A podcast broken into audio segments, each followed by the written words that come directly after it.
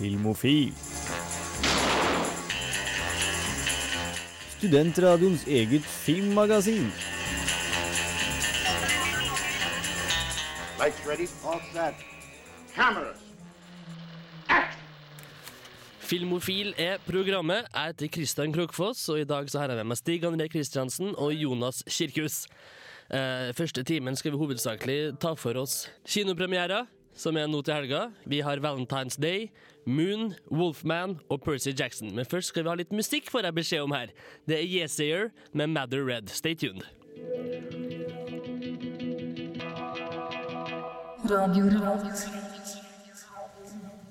Etter en litt kranglete åpning her på Filmofil, så fikk du uh, Yesayer. Nå skal vi ha litt filmnyheter, og som vanlig er det Jonas Kirkhus som eh, tar ordet. Ja, eh, og den første nyheten er, vet jeg at du kan være litt interessert i. eh, Takk. For det er en gammel Burt Reynolds-film som oh, skal, Hjertet mitt dunker allerede. som eh, skal bli laga en remake av. Eh, Og det er musikalen fra 1982 som heter The Best Little Whorehouse in Texas. Eller The Best Little Cat House. er vel Ja. kanskje Den var, de måtte vel kalle den det i en sammenheng også, fordi whore ble for sterkt å ha på en plakat, eller noe sånt, tror jeg. Det er òg en del av nyheten at de kanskje skal kalle noe annet ja. også i dag. Ja. Så tiden har vel ikke forandra seg så mye. Norske tittelen tror jeg var Det beste lille gledeshuset i Texas, for å sette det i nok et perspektiv. Skal nevnes at det var også eh, den filmen hvor Dolly Parton først sang I Will Always Love You, som Whitney Houston hadde en megahit med ti år senere fra The Bodyguard. Uh, og Universal har eh, sagt at uh, kanskje blir det de samme gamle sangene i en ny drakt, eller kanskje det blir helt nye sanger, men samme historie. Litt rart å remake en musical, men bytte ut alle låtene, kanskje. Ja, mulig det. De får nå bevare den samme glade countrytonen, i hvert fall, som jeg er glad i. Yes. Neste nyhet. Den nye filmen til Lars von Trier Det banker hjertet mitt igjen. heter 'Melankolia'. Det er jo ikke noen nyhet akkurat nå, men uh, det har fått uh, a star. Yes. Penelope Cruz eh, har sagt at hun skal spille i den, og Lars von Trier har sagt at han skrev den med henne i tankene. Så det, det er jo en katastrofefilm som er et psykologisk drama, Ja. så det kan jo bli spennende å se. For dem som har sett Antichrist, så vet vi at Lars von Trier krever sitt av skuespillerne. Å skrive en film med Penelope Cruz i tankene er heller ikke en dårlig idé. Det er veldig spennende. Så det gleder vi oss til. Så kan vi bare nevne at eh, Tom Cruise eh, skal lage Mission Impossible 4 òg. Det ble nei, offisielt eh, i går, for de som er Tror du den kommer i 3D? interessert i sånt. Det er godt mulig. Det gjør vel det meste nå for tida. Eh, De har satt en eh, releasedato allerede før de har begynt å skrive manus. Ja, selvfølgelig. eh, 27. mai 2011. Så Vi venter i en blanding av grøss og spenning. Vi skal ha litt mer musikk. Satan Takes a Holiday, Missy.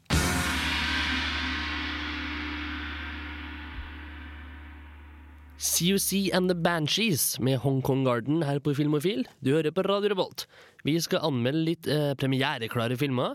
Valentine's Day det er en romantisk komedie regissert av Jerry Marshall, som også regisserte Pretty Woman i sin tid. Og hvem sendte vi for å se den? Jonas Kirkhus.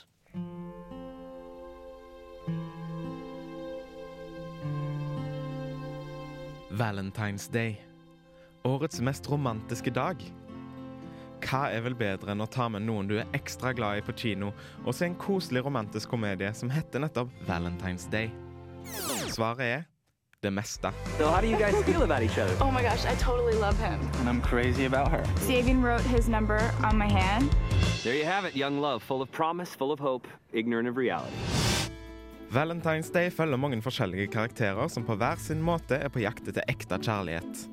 Menn bør finne en måte å imponere sine kvinner på, og kvinner bør finne seg en mann som kan imponere deg. It's my fault that I'm alone on Valentine's Day. My closest relationship is with my Blackberry. Right. Thank God it vibrates. Valentine's Day er stappfull av skuespillere henta fra andre middels romantiske komedier, og fordelen med så mange karakterer og historielinjer er at jeg slipper å følge én irriterende person gjennom hele filmen. Valentine's Day is about anger, disappointment, love. Romance. Mating. Discretion. Berkeley. Commitment. I love it. I love hype. Filmen er som en amerikansk kopi av Love Actually. Minus sjarme, minus humor og minus god dialog. Gode øyeblikk finner man her òg, men vil du tilbringe to romantiske timer med din kjære på Valentine's Day? Finn på noe annet.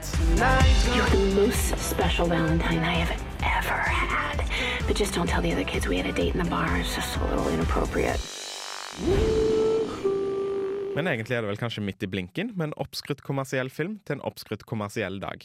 Happy Valentine's Day. I love it. I love hype. Jeg skal aldri igjen ta Jonas Kirkhus sin dømmekraft i tvil. Det høres, det høres ut som en film jeg hater. Det var en film jeg hata, iallfall. Som jeg ser for meg at du òg kommer til å hate. Inntrykk, Stig André? Det hørtes ikke bra ut. Nei. Da, vi er tre manner i studio her som har bestemt oss for at Valentine's Day er en dårlig film. Og da triller vi terning. Da triller vi terningkast eh, to. Så den har Oi. noe for seg. Og opp fra einer eh, på grunn av Det var to morsomme vitser. Eh, En eh, sikkerhetsvakt på, på en flyplass. eh, Og faktisk en artig replikk av Queen Latifah. Oi, Utrolig nok. av alle ting. Du fikk dommen her på Filmofil. Vi liker ikke Valentine's Day. Istedenfor kan vi høre litt god musikk. En av mine gamle favorittband, Talking Heads, Burning Down The House. Cold War Kids med Audience. Før det så fikk du Talking Heads.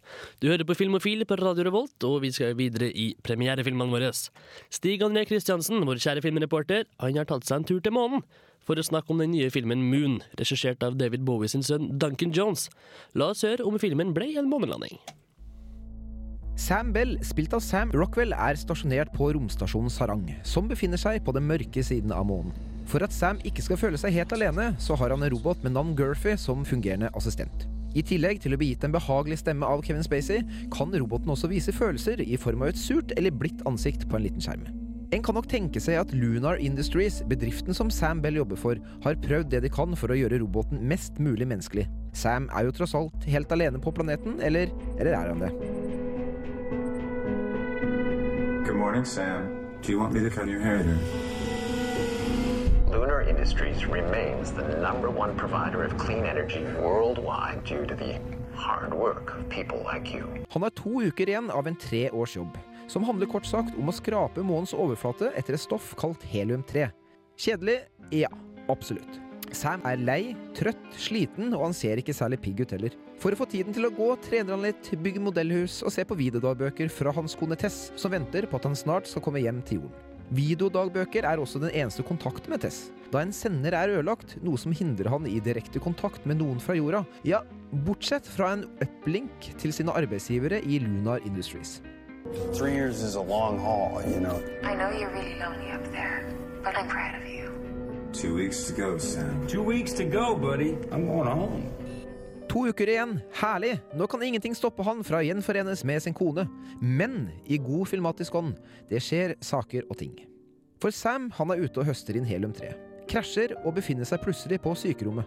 Han kommer seg etter hvert, og han stikker ut til krasjstedet for å fikse på den ødelagte maskinen, og der finner han seg selv.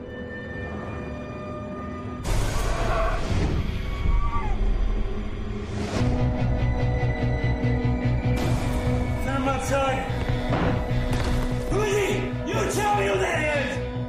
Perhaps you're imagining things. What's going on? Where did he come from? Why does he look like me? You've been up here too long, man. You lost your marbles. Two weeks, two weeks, two weeks. Her begynner et meget imponerende skuespill mellom Sam og Sam. Hvem er hvem? Eller rettere sagt, hvem er originalen? Finnes det egentlig to Sams her? Drømmer Sam? Er han i koma? Har all tiden alene på romstasjonen gjort at han har skapt seg en venn? Eller er han rett og slett blitt gal? Du grubler sammen med dem, og mens tiden går, blir den første Sam gradvis dårligere og dårligere. Det ser ut til at det kommer til å bli to lange siste uker på romstasjonen før han får treffe Tess igjen. Eller rett og slett, hvem av de er det som skal treffe Tess?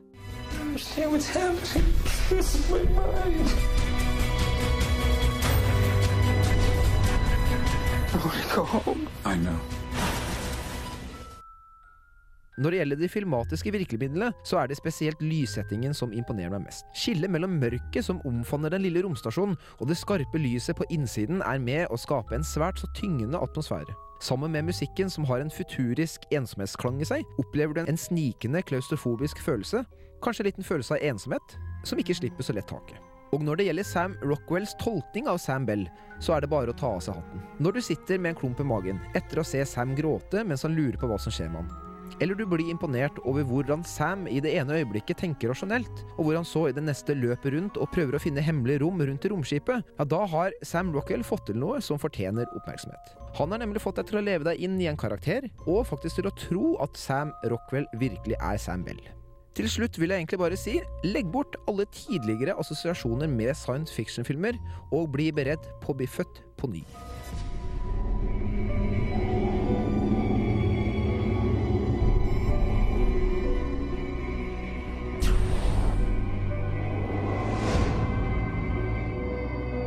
Radio Revolt.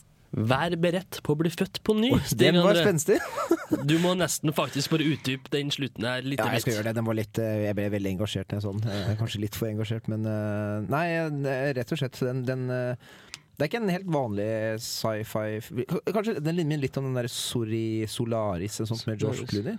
Mhm. Litt ish, sånn historiemessig, men eh, noe av det. Men eh, den, den er litt unik. Eh, og jeg har ikke opplevd noe sci-fi med den type tema som ikke jeg har lyst til å fortelle så veldig mye om, for det er lett å kunne røpe det. Mm, mm. Ja, unngå det. Heller. Men det er stemninga, det, det er en spesiell feeling på det hele. Absolutt. Jeg fikk en klaustrofobisk eh, sånn, følelse på filmen, for du er, det handler jo om på månen. Da. Mm. der ting er mørkt, og, og han, han, han kjører med den derre treskeren på eh, Rundt på månen og sånn, så, så venter du egentlig på at han snart skal komme inn igjen, på en måte. For det er, liksom, det er sånn små ekkelt. Det er guffent. og- Det, det er litt guffent. Det, ja. Og Sam Rockwell han er nesten den eneste som er med i filmen, og han må vel bære filmen ganske godt. Ja, han, eh, det er noe av det bedre jeg har sett eh, faktisk i 2010. Det, absolutt. Det, han eh, gjør en veldig bra eh, tolkning, og han spiller på veldig mye strenger i forhold til å se plutselig gal ut, og plutselig ser han utrolig sliten, trøtt, deprimert ut, og så er han plutselig oppegående. Altså, han spiller på mye. Eh, veldig imponerende, syns jeg. Du høres rett og slett imponert ut. Hvis vi skal eh, trille en terning på Moon Da ville jeg gitt den en femmer. En terningkast fem til Moon? Ja, det absolutt. Det fortjener den. Du hørte her i Filmofil. Skal nevnes at jeg har også sett filmen, og jeg syns den var glimrende. Så jeg slår, meg, jeg, slår, jeg slår meg med på den femmeren. jeg. Skal du få litt mer musikk? Motorpsycho, X3, Knuckleheads in Space.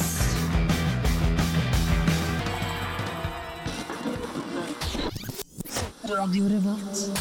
Den nye filmen The Wolfman eh, kommer på kino nå til helga, og Christian Krokfoss har vært og kikka på den. It was torn to pieces and half eaten. Whatever did it was big, and buckshot couldn't kill it. After that, my father went home, cast silver bullets. Wouldn't leave the house on a full moon from then on. Myten om varulver skal være kjent for de fleste.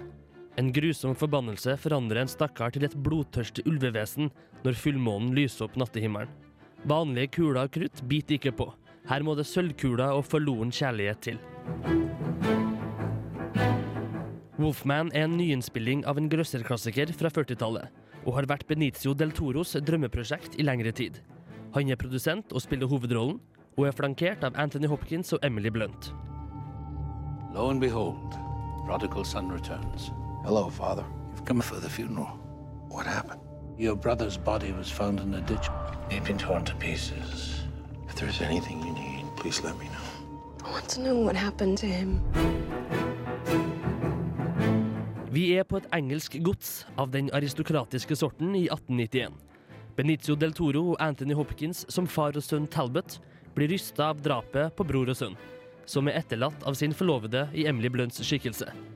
Rykter begynner å gå om en gammel varulvlegende grunnet de bestialske omstendighetene og likheten med flere andre mord. Scotland Yard er på saken, men landsbyen føler at det er på tide å ta loven i egne hender. At ærverdige Talbot House rommer flere hemmeligheter, blir snart åpenlyst. Og familien Talbot får etter hvert mer enn nok å sette tennene i. There are those who doubt the power to change men into beasts. A beast has come among us. I am what they say I am. I'm a monster. I will kill all of you!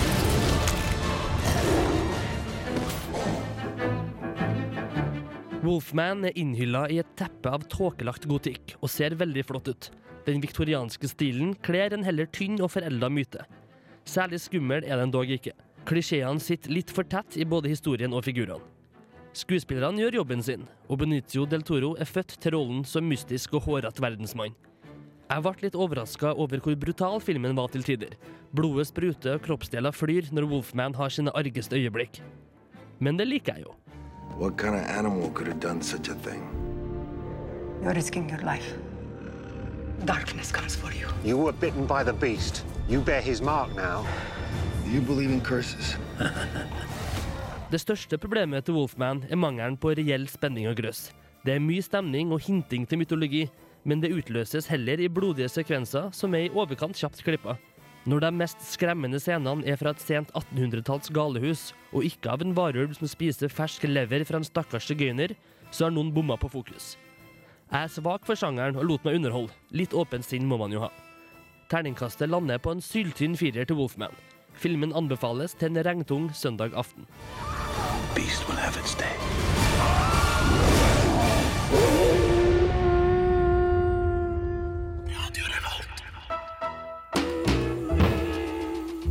Howlin' Wolf. Gammel låt der, I'm the Wolf-hetten. Apropos da filmanmeldelsen som kom rett før av Wolfman. Det var mye å ty tygge på der. Ja, det var nesten litt artig. Nei, det er fint. Vi har kommet til en, eh, en liten spalte kan vi si, som vi kaller Ukas filmlåt. Hva går det ut på egentlig, Jonas? Det går ut på at vi tar en eh, god låt fra en kanskje god, kanskje dårlig film, og spiller den eh, på radioen. Veldig godt forklart. Eh, filmen jeg snakker snakk om er da Magnolia Ja, av Paul Thomas Anderson. Så denne uka har både en god låt og en særs god film. Det er jeg helt enig i. Jeg syns det er en flott og fantastisk film. Hvilken låt er det du har valgt ut, eh, valgt ut til oss, Jonas? Jeg har, det er Amy Mann som synger låten eh, One, eh, og det er fra åpningen på, på Magnolia. Skal da også nevnes at jeg tror Paul Thomas Anderson skrev mye av manuset mens han hørte på nettopp Amy Mann. Det- Og mange av historiene er litt løst basert på følelsene han fikk rundt musikken hennes. Det samme har jeg hørt. Da er vi to. Da er det sikkert sant når to har hørt det. Jeg har også lest det på internett, og da må det jo være sant. Nettopp. Da har vi ukas filmlåt, Amy Mann med One.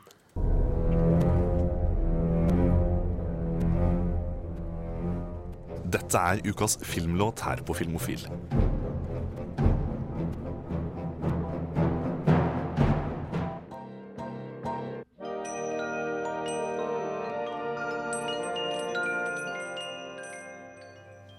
Amy Mann med låta One fra knallfilmen Magnolia av Paul Thomas Anderson. Vi tenkte vi skulle berike lytterne med å fortelle om Kosmoramafestivalen, som går av stabelen når. Den går av stabelen fra 11. til 16. mars. Er det her i Trondheim? Det her er i Trondheim, vet du. Filmofil var der selvfølgelig og dekka eventen både i fjor og forfjor, og alt jeg vet året før det. Og det kommer vi til å gjøre også i år. Så det er bare å se fram til gode Kosmorama-spesialer, hvor vi tar for oss både filmer, kanskje vi får noe intervju og en generell stemningsrapport. Åpningsfilmen er annonsert, og det skal være eh, Se og Hør-filmen En helt vanlig dag på jobben, basert på denne kontroversielle boka. Som da vel å merke er en spillefilm, Det er en film, det er spillefilm, ja. ikke en dokumentar. Det stemmer. Og det kan bli veldig interessant hvordan man da tolker f.eks. kronprinsessen eller eh, den slags. Svein O. Høiby og så videre. Interessant. Du hadde en liten nyhetssak til oss, du, Jonas. Ja, eh, Viasat, denne TV-giganten, holdt jeg på å si, har eh, lansert en ny eh, tjeneste som heter Viasat On Demand. Mhm. De, den har vært tidligere, men nå har de annonsert en abonnementstjeneste eh, som gjør at man kan se så mye film man vil blant deres utvalg, eh, hvis man betaler 99 kroner i måneden. Og det betyr òg at man slipper å liksom leie hver film for seg, eh, og at man kan se det når, man- når man vil. Så du betaler 99 kroner for et stort utvalg av film som du kan se når du vil. Ja, De har et utvalg på, på 200 filmer, og nå har de eh, sluppet ei liste som er, Det er blant annet Kill Bill og You Don't Mess With The Sohan og sånne ting. Litt sånn store, litt Uten sammenligning for øvrig. Ja. litt, litt store, litt halvgamle filmer. Eh, Så det gjenstår vel eh, Og Wobbler, denne tjenesten som kom nettopp, og har vel òg vært litt sånn eh, vinglete og ikke helt eh, bra. Men uh, det er vel uh, et skritt i riktig retning. Det skal vel nevnes at Wobbler er en slags Spotify for film. Stemmer. Det stemmer. Aldri prøvd det. Det er veldig, Jeg har vært så vidt innom der, og det, der ligger det mye Altså Du kan betale for medlemskap, eller du kan være med på sånn eh, vanlig sånn type vanlig gratis Spotify-lignende. Da kan du se gratis film. Og det er Veldig bra kvalitet, veldig bra lyd. Eh, anbefalt å ta en liten tid på. Avbrytes filmen hver halvtime av en reklame? Nei, det er vel eh, Så vidt jeg har erfart, så er det sånn svensk rekla reklame Det er jo en svensk eh, byrå eller noe sånt. Som har, Svensk tjeneste? Ja. ja. Så det er vel eh, Det er svensk reklame først, og så ja, er det bare å se på filmen. Kanskje jeg skal prøve det ut en dag, da? Ja, det anbefales. Har du faktisk Absolutt. aldri gjort det. Du hørte her på Filmofil. Wobbler finnes på internett. Snart er det Kosmorama, og Viasat tilbyr filmer på TV. Radio Revolt. Rosanne Cash, dattera til Johnny, sang Mississippi and You fra plata The List. Vi skal litt over i DVD-seksjonen. Asle Fossum, en trofast tjener her i Filmofil, har tatt en titt på Law Abiding Citizen med Gerald Butler.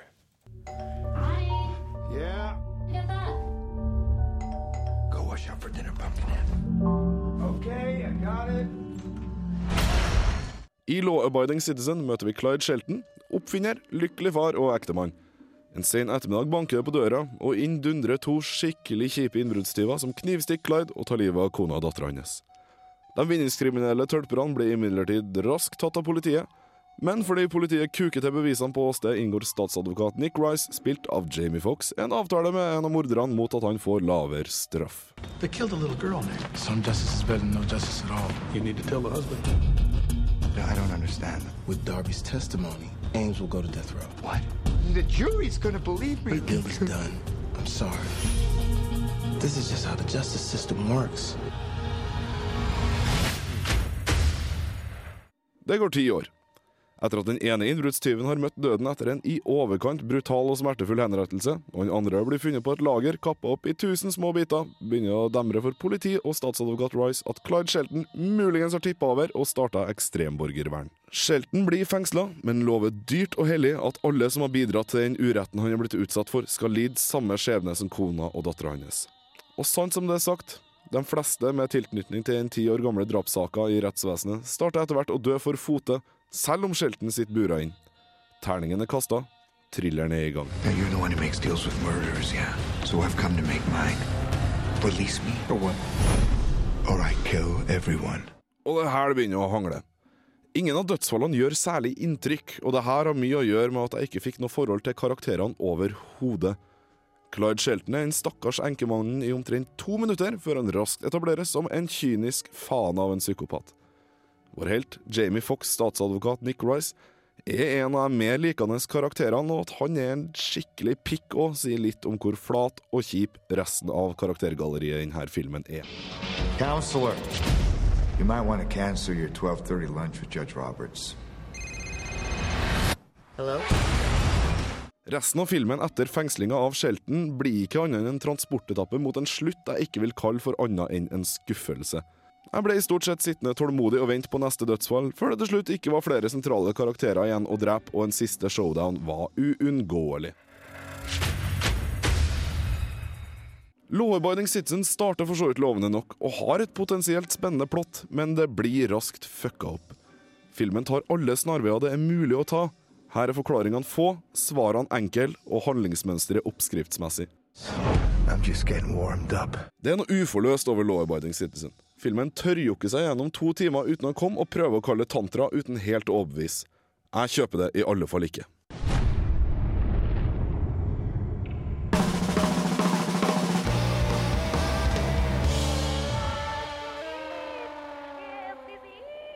Du hører på Radio Revolt, studentradioen i Trondheim.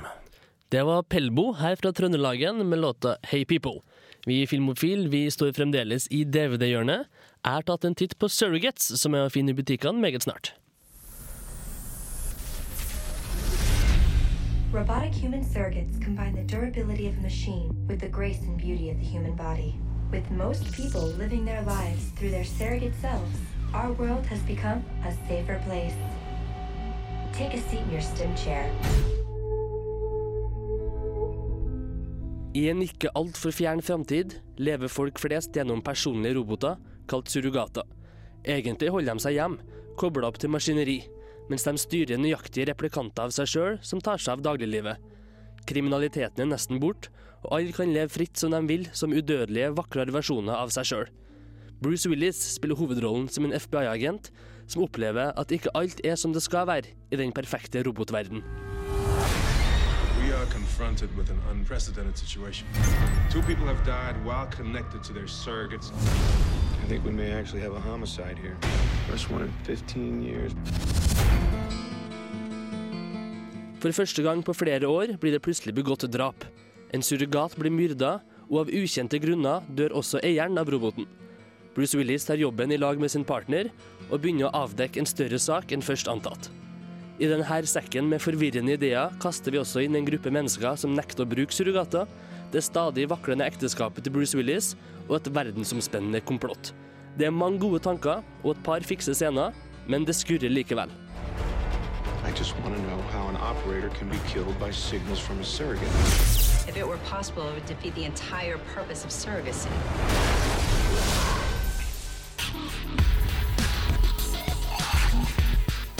Jeg liker framtidsvisjoner og science fiction, og Surrogates presenterer mange gode tankekors og interessante vendinger. Dessverre prøver filmen å gape over altfor mye i løpet av 1 time og 25 minutter. Det blir meget forvirrende etter hvert, og jeg har vanskelig for å jevnlig forstå figurenes motivasjon og handlinger. Ganske tidlig forstår jeg hvor det bærer hen, og spenninga i diverse twist og turns funker ikke for meg. Filmen ser helt grei ut. Bruce Willis tar sin klassiske plankekjøring, og du sitter igjen med følelsen av en heller klisjéfull spenningsfilm. Kanskje et annet team bak kamera hadde stramma opp produktet. Regissør Jonathan Mostow er vel mest kjent for Terminator 3. Et flott utgangspunkt blir til en særs ulogisk og lite engasjerende affære. You can finally live the life you've always dreamt of without any risk or danger to yourself. Radio Revolt. Du hørte I Blame Coco featuring Robin med låten Cæsar i Filmofil på Radio Revolt. God nyheter til de som liker romantiske eventyr med trolldom, stjerner og pirater. Eh, Robert De Niro-filmen Stardust kommer denne uka på Blu-ray. Eh, Det er en special edition stappa med ekstramateriale og andre godsaker. Sigurd Vik tok en kikk på den når han gikk på kino. Her er anmeldelsen hans. Jeg må ærlig innrømme jeg var ganske skeptisk til denne filmen. Etter en rekke triologier og eventyr de siste årene rant fantasybegeret mitt over for en tid tilbake. Det var vel Eragon som var verkebyllen som fikk det til å renne over. Og hva med denne Stardust? Selveste Ian Gandalf McKellen som fortellerstemme. Stjerner, hekser, eventyrland og en romanse i fokus. Skeptisk, ja. Veldig skeptisk. Vi møter Tristan Thorne, som bor i den engelske landsbyen Wall. Han er ulykkelig forelska i skjønnheten Victoria, men får etter iherdige forsøk smigra seg inn til en knallavtale. Han har ei uke på seg til å hente en bit av en fallen stjerne og bringe den tilbake til dama, i bytte mot hennes hånd i ekteskap. Oh, Tristan, a shooting star. Ah, Victoria, for your hand in marriage, I'd cross the wall and I'd bring you back that fallen star. You can't cross the wall. Problemet er bare at stjerna ligger på den andre sida av muren. En steinvegg som skiller vår verden fra eventyrlandet Stormland, og som er forbudt å krysse. Dette er sjølsagt ingen hindring for vår helt, som etter kort tid befinner seg i et kappløp mot hekser, kronearvinger og trollkjerringer for å finne den falne stjerna. Og ja, også er stjerna en fantastisk vakker kvinne, sjølsagt. Hm, men det er rett og slett en styggod film, det her. Svært godt hjulpet av god humor og god framdrift. Skuespillerne gjør en knallgod innsats, ikke minst kaptein Shakespeare i Robert De Niros skikkelse. Han er en av de beste karakterene jeg har sett på film på lenge. So, name your best price. For 10,000 bolts. 10,000 bolts of finest quality grade A. Yeah, but it's difficult to shift and it's difficult to store. If I get the revenue men in here sniffing around, what's the... Uh, best price, 150 guineas. Gentlemen, put the merchandise back on board and prepare to sail. Oh, oh, always a pleasure. hold on, hold on. One minute. Hold on, Cuddles. Som fantasyfilm mangler den en del av de episke kvalitetene som har prega sjangeren den senere tida. Men det føles likevel befriende å for en gangs skyld vite at den slipper å forholde seg til en triologi. Så hva kan en si? Stardust er en svært fornøyelig film. Gå og se den. Og for min del er fantasybegeret vaska, rensa og knapt nok halvfullt. Lake med Sing 99 and 90 her på Filmofil på Radio Revolt. Vi skal tilbake til kinomørket. Det har vært knytta store forventninger til filmserien om Percy Jackson og olymperne. Det er texaneren Ricka Rayordian som står bak bøkene om Poseidons bastardsønn og hans møte med de greske gudene. Totalt har det kommet fem bøker i serien, og den første har nå blitt til film. Percy Jackson and Olympians, The Lightning Thief, eller Lyntyven på norsk. Sverre Torp Solberg han har sett filmen. Scientists are baffled. Savage winds, rain, countries everywhere are preparing for the worst. The gods are angry. Ja, de greske gudene er i aller høyeste grad irritert. Sevs sin lynbolt er stjålet, og det er den svært dyslektiske, hyperaktive og tilsynelatende ubegava Percy Jackson som er gudenes hovedmistenkt. Etter å ha blitt forklart i det tydeligste at han er havguden Poseidons sønn, må Percy ut på eventyr for å berge sitt rykte, sin kidnappa mor og verden for øvrig. Med på laget er satyren Grover og krigsgudinnen Athenas datter Annabeth. You are the son of Poseidon. No. Det ugudelig dårlige manuset er nok filmens største hemsko. Skuespillerprestasjoner og spesialeffekter havner på en god andreplass, og klarer overhodet ikke å redde dette makkverket av en film fra å havne i Hades helvete. At filmen mangler flyt, er en underdrivelse. Historien føles oppstykka og helt uten naturlig framdrift. Hovedpersonenes sammenstøt med greske mytologiske vesener er ment som filmatiske høydepunkt, men blir kun kjedsommelige hindringer som alltid overvinnes mye enklere enn det som virker naturlig. For øvrig synes det ut til at manusforfatterne ser på publikum som tungnemme drukkenbolter.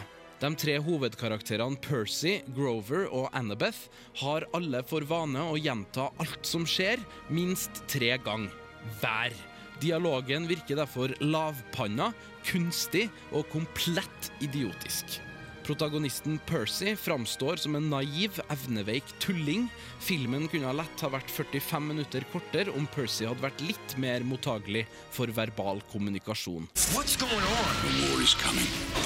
Really just Annabeth er omtrent like hjelpsom som ei bøtte med fiskeslo. Hun har inngående kunnskap om greske mytologiske vesener, men klarer aldri å koble teori med praksis før det er for seint. Satyren Grover er 50% geit, 50% hallik og 100% komisk negeralibi. Negerstereotypien blir så flau og så tilgjort at filmen alene setter den svarte mannen 100 år tilbake i tid. Med Avatar, Star Trek og Harry Potter-filmene for den del friskt i minne, er det tragisk å være vitne til så elendige spesialeffekter i en moderne Hollywood-produksjon. Det vil være nedlatende overfor dagens spillprodusenter å kalle her for spillgrafikk, men det er det nærmeste jeg kommer en god sammenligning. Filmens eneste lyspunkt er det sekundet rulleteksten starter, og du kan evakuere lokalet skrikende sammen med de hundrevis av andre betalende som trodde det her var den nye Harry Potter-filmen, og at den surmaga anmelderen på Radio Revolt helt sikkert overdrev. Vel, lykke til. Herre jemini, en særs misfornøyd Sverre Torp Solberg der. Det er allerede annonsert at det kommer en oppfølger allerede i 2011. Jeg tror ikke han gleder seg til den, men herre var så sterkt at jeg må ta en litt nærmere prat med en Sverre etter litt musikk, selvfølgelig. Au revoir, Simon. Sad song.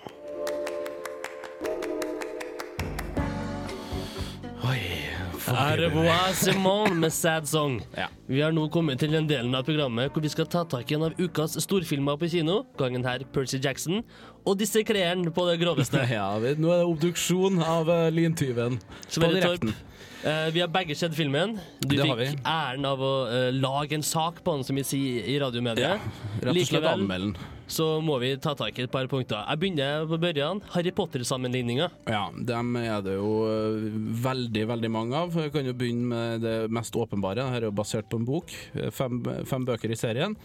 Eh, og du har tre hovedpersoner, akkurat som du har i Harry Potter. Med en jente. Ja, eh, Du har gresk mytologi som bakgrunn. Eh, for så vidt magi og litt sånn eh, spenstige greier. Eh, Du har en eh, camp hvor de her tre eh, forbanna idiotungene eh, bor. Hvor det bare da er halvguder som slipper gjennom portene. Som da kan jamføres med muggles Nei, jeg mener eh, vanlige mennesker ikke får lov til å komme inn. Som kan sammenlignes med denne skolen til Harry Potter, hvor de også kommer for å lære seg mer om måten de skal være på. Ja, ikke sant? Lære seg er magikere eller, eller, ja. guder. Sammenligningene der er åpenbar, spør du meg. Harry Potter har vært kjempepopulær. Jeg vet det er mange som liker filmene godt. Det er godt tempo i dem, det er spennende historier, det er gode spesialeffekter. Det er en hel verden som er skapt, som vi har lyst til å ta en del av. Mm. Funker ikke i Percy Jackson. Altså, jeg skal være så ærlig å si at jeg tror det er massevis av eh, 14-årige, 13-12-13-14-årige jenter som kommer til å synes denne filmen er storartet, og, og han Percy er jo så søt. Eh, men eh, innholdsmessig så er det her så langt under pari at jeg anbefaler ingen foreldre å ta med ungene sine og se på det. det er, nei, men det er virkelig søppel. Det er den dårligste filmen jeg har sett, og jeg har sett en del filmer opp gjennom min snart 30 år lange karriere. Det, nei, jeg, det, jeg, jeg, jeg, finner ikke ord, da. Jeg sleit med å finne ord for hvor dårlig det her er. Vi så jo filmen i lag, og du vet jo at jeg er i veldig stor grad enig med deg. Eh, Det er noe med eh, plottet som fordummer så veldig den her flotte settinga som er gresk mytologi. Det er mye spenning, det, det er historiske fakta som kan dras inn. Du har ungdom som skal bli voksen, og som har lært seg ting på veien. Alt dette er klassisk. Likevel så er alt som skjer, så elementært tilbakestående i måten det fremstilles på, at du skulle tro at vi satt der og var hjernedøde. Og Ja. måtte ha det inn med minnebrikker rett inn i hjernen, fordi vi skjønner ikke det som skjer på film. Nei. Kan man undervurdere et publikum så fælt som regissør Chris Columbus har gjort her? Ja, man kan jo tydeligvis det, da. Jeg håper jo at det ikke slår an, og at uh, jeg, jeg tror nok denne filmen kommer til å selge veldig god og godt premierehelga. Den har vel verdenspremiere faktisk på fredag, og den kommer nok til å selge eh, rimelig godt første helga. Og så håper jeg bare da at dem som drar og ser filmen på premieren, sier fra til vennene sine om at dette her er bare holde seg unna. Og en film som er så Jeg håper hele Fox går eh, konkurs. De kommer jo med den storfilmen eh, Giants nei, hva- Clash of the Titans Clash of the snart. Titans, ja. Og hvis den holder samme standard Ja, så er det flaut. Nei, det, ja. Som bringer oss inn på det at filmen har jo en stor rot i den her magiske verdenen og trenger seg spesialeffekter. Ja. Det, så, det så jo ikke ut. Det Nei, det ser ut som det er laga av Percy Jackson i halsen her. Ja. Ja, det, det ser ut som det, Spesialeffektene ser ut som det er laga av en sånn verna bedrift ute på, i Texas. Altså. Det, er vet du, det er så dårlig at jeg, jeg Det er flaut. Det er rett og slett flaut. Dialogen, Ja, hvis jeg hadde, hvis jeg hadde trengt å høre alt fire-fem ganger, eh, hver eneste setning, så hadde det jo vært givende, selvfølgelig. Det er, vir det er så teskjespising at Nei. Vi får nesten avrunde med Ja, det. at, det. Og om lytteren ikke har Gud. skjønt måten vi hakker på filmen her på, så er det sånn her filmen gir sitt budskap til oss. Det er repetitivt, det er elendig, det er uintelligent, og det er den mest soleklare eneren jeg har kunnet, funnet på å trille. Ja, hvis det hadde vært minussida på terningen, så hadde det havna langt ned. Du hørte det her på Filmofil. Takk for hjelpa, Sverre Torp Solberg. Nesten ikke bare hyggelig engang. Surmaga jævel. Charlotte Gainsborough, Trick Pony. Fy faen.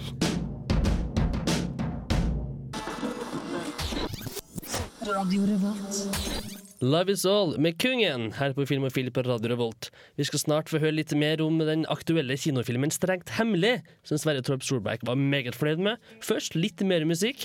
Eels med sin splitter nye låt Gone Man. Du hører på Radio Revolt, studentradioen i Trondheim. Eels med Gone Man her på Filmofil på Radio Revolt. Eh, Sverre Torp har anbefalt meg dokumentaren Strengt hemmelig. Benedicte Marie Orvung har da laga den om sin families mørkeste hemmelighet. Det er noen nasty-greier involvert, og hvis du ikke har sett den, så kanskje herre frister deg. Carl A. Martinsen blir likvidert på åpen gate en februardag i 1945. Som 30-åring blir filmskaper Benedicte Maria Arvung konfrontert med sin families mørke hemmelighet. Hvorfor har hun ikke fått vite noe om sin granonkel før nå? Og hvorfor har familien i alle her årene blitt stille hver gang hans navn har blitt nevnt? Hvilke mørke hemmeligheter skjuler seg i familiehistorien? Alle er vi barn av krigen. Det jeg ikke visste, var at noen i min familie var direkte involvert. på toppnivå. Når Orvung begynner å grave, åpenbarer det seg en dyster historie. Ikke bare om hennes familie, men om mektige norske nazistiske krefter vi nordmenn helst ikke vil snakke om. Orvung forteller i Strengt hemmelig en spennende og sterk historie om offiseren, nazisten og familiemannen Carl Martinsen. En mann ansvarlig for grusomheter som deportasjonen av norske jøder, tortur av motstandsfolk og innføring av dødsstraff, for å nevne noe. Han, Carla Martinsen, står i norsk krigshistorie som den mest hensynsløse, brutale person. For han satt med alt ansvar som hadde med statspolitiet å gjøre. Og derfor har han det ansvaret fortsatt den dag i dag. Og det vil slektninger og alle måtte leve med. Hjemmefronten vil måtte leve med det. Strengt hemmelig tar et viktig oppgjør med en fremdeles tabubelagt del av den norske krigshistorien. Etter fjorårets hedring av norske motstandsfolk med spillefilmen Max Manus, er det veldig riktig at det nå kommer en historie om den andre sida. Den vi ikke snakker om, verken i offentligheten eller rundt kaffebordet hjemme. Det er sterkt å høre motstandsfolk som Gunnar Sønsteby og kolleger av Martinsen fortelle om sin respektive erkefiende og gode venn. For nyansene er definitivt klarere i Strengt hemmelig enn i Max Manus. Stilt opp mot hverandre er det interessant å se at motstandsmannen Gunnar Kverk og Martinsens kollega Helge Vik, til tross for sine motsetninger, finner samme svar på spørsmålet om hvorfor de gjorde som de gjorde under krigen. De gjorde kun sin plikt og fulgte ordre. Den lille bande av leiede sabotører og snikmordere som ekskongen og hans drabanter i London og Stockholm har velsignet oss med. Gammelt arkivmateriale og hemmelige dokumenter utgjør en vesentlig del av Orvungs dokumentarfilm. Det er hennes bruk av materialet sammen med intervjuene som skaper en dramaturgisk fremdrift. Filmskaperens søken etter svar er i fokus, og publikum får være med. Sånn sett blir historien svært personlig, samtidig som den tar tak i det store bildet. Noen visuell perle er vel strengt hemmelig, strengt talt ikke. Men den passer godt til kinoskjermen. Og jeg håper det er flere filmskapere som kommer over skjeletter i slektskapet, for til tross for at skuddene mot Carl Alfred Nicolai Martinsen falt i februar 1945, kan gjengklangen høres godt ennå. Det er ikke noe som har vært snakka om i familien. Så det er ikke bare du som øh, ikke visste om Carl Martinsen.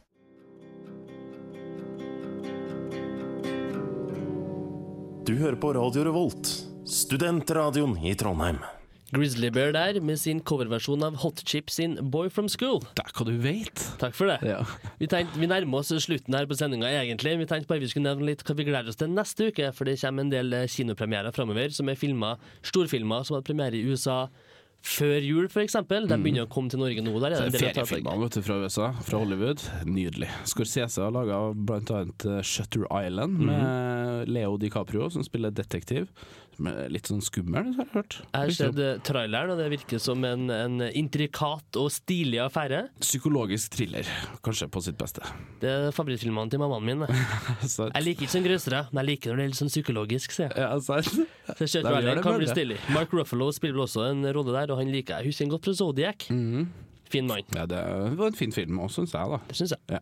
Ellers så har du jo Vær så god. Road. The Road. Det det si, ja, ja, ja, med Viggo Mortensen som protagonist. Basert på ei bok av forfatteren som også skrev No Country for Old Men. Oi, oi, oi, det her kan bli bra. De skal visst være ganske forskjellige i innhold og stil, men at den har den litt samme røffe ja, Tonen? Ja, det er veldig tung tone. Ja. At det, det, det er seriøst, og det er manner, og det er litt ensomt, og det blir knallhardt. Ja, og i den, den her The Road så er det vel også litt sånn postapokalyptisk, og du har litt eh, sånn spennende, Så jeg vet, spennende så setting. alt jeg vet er at jorda har for så vidt gått under.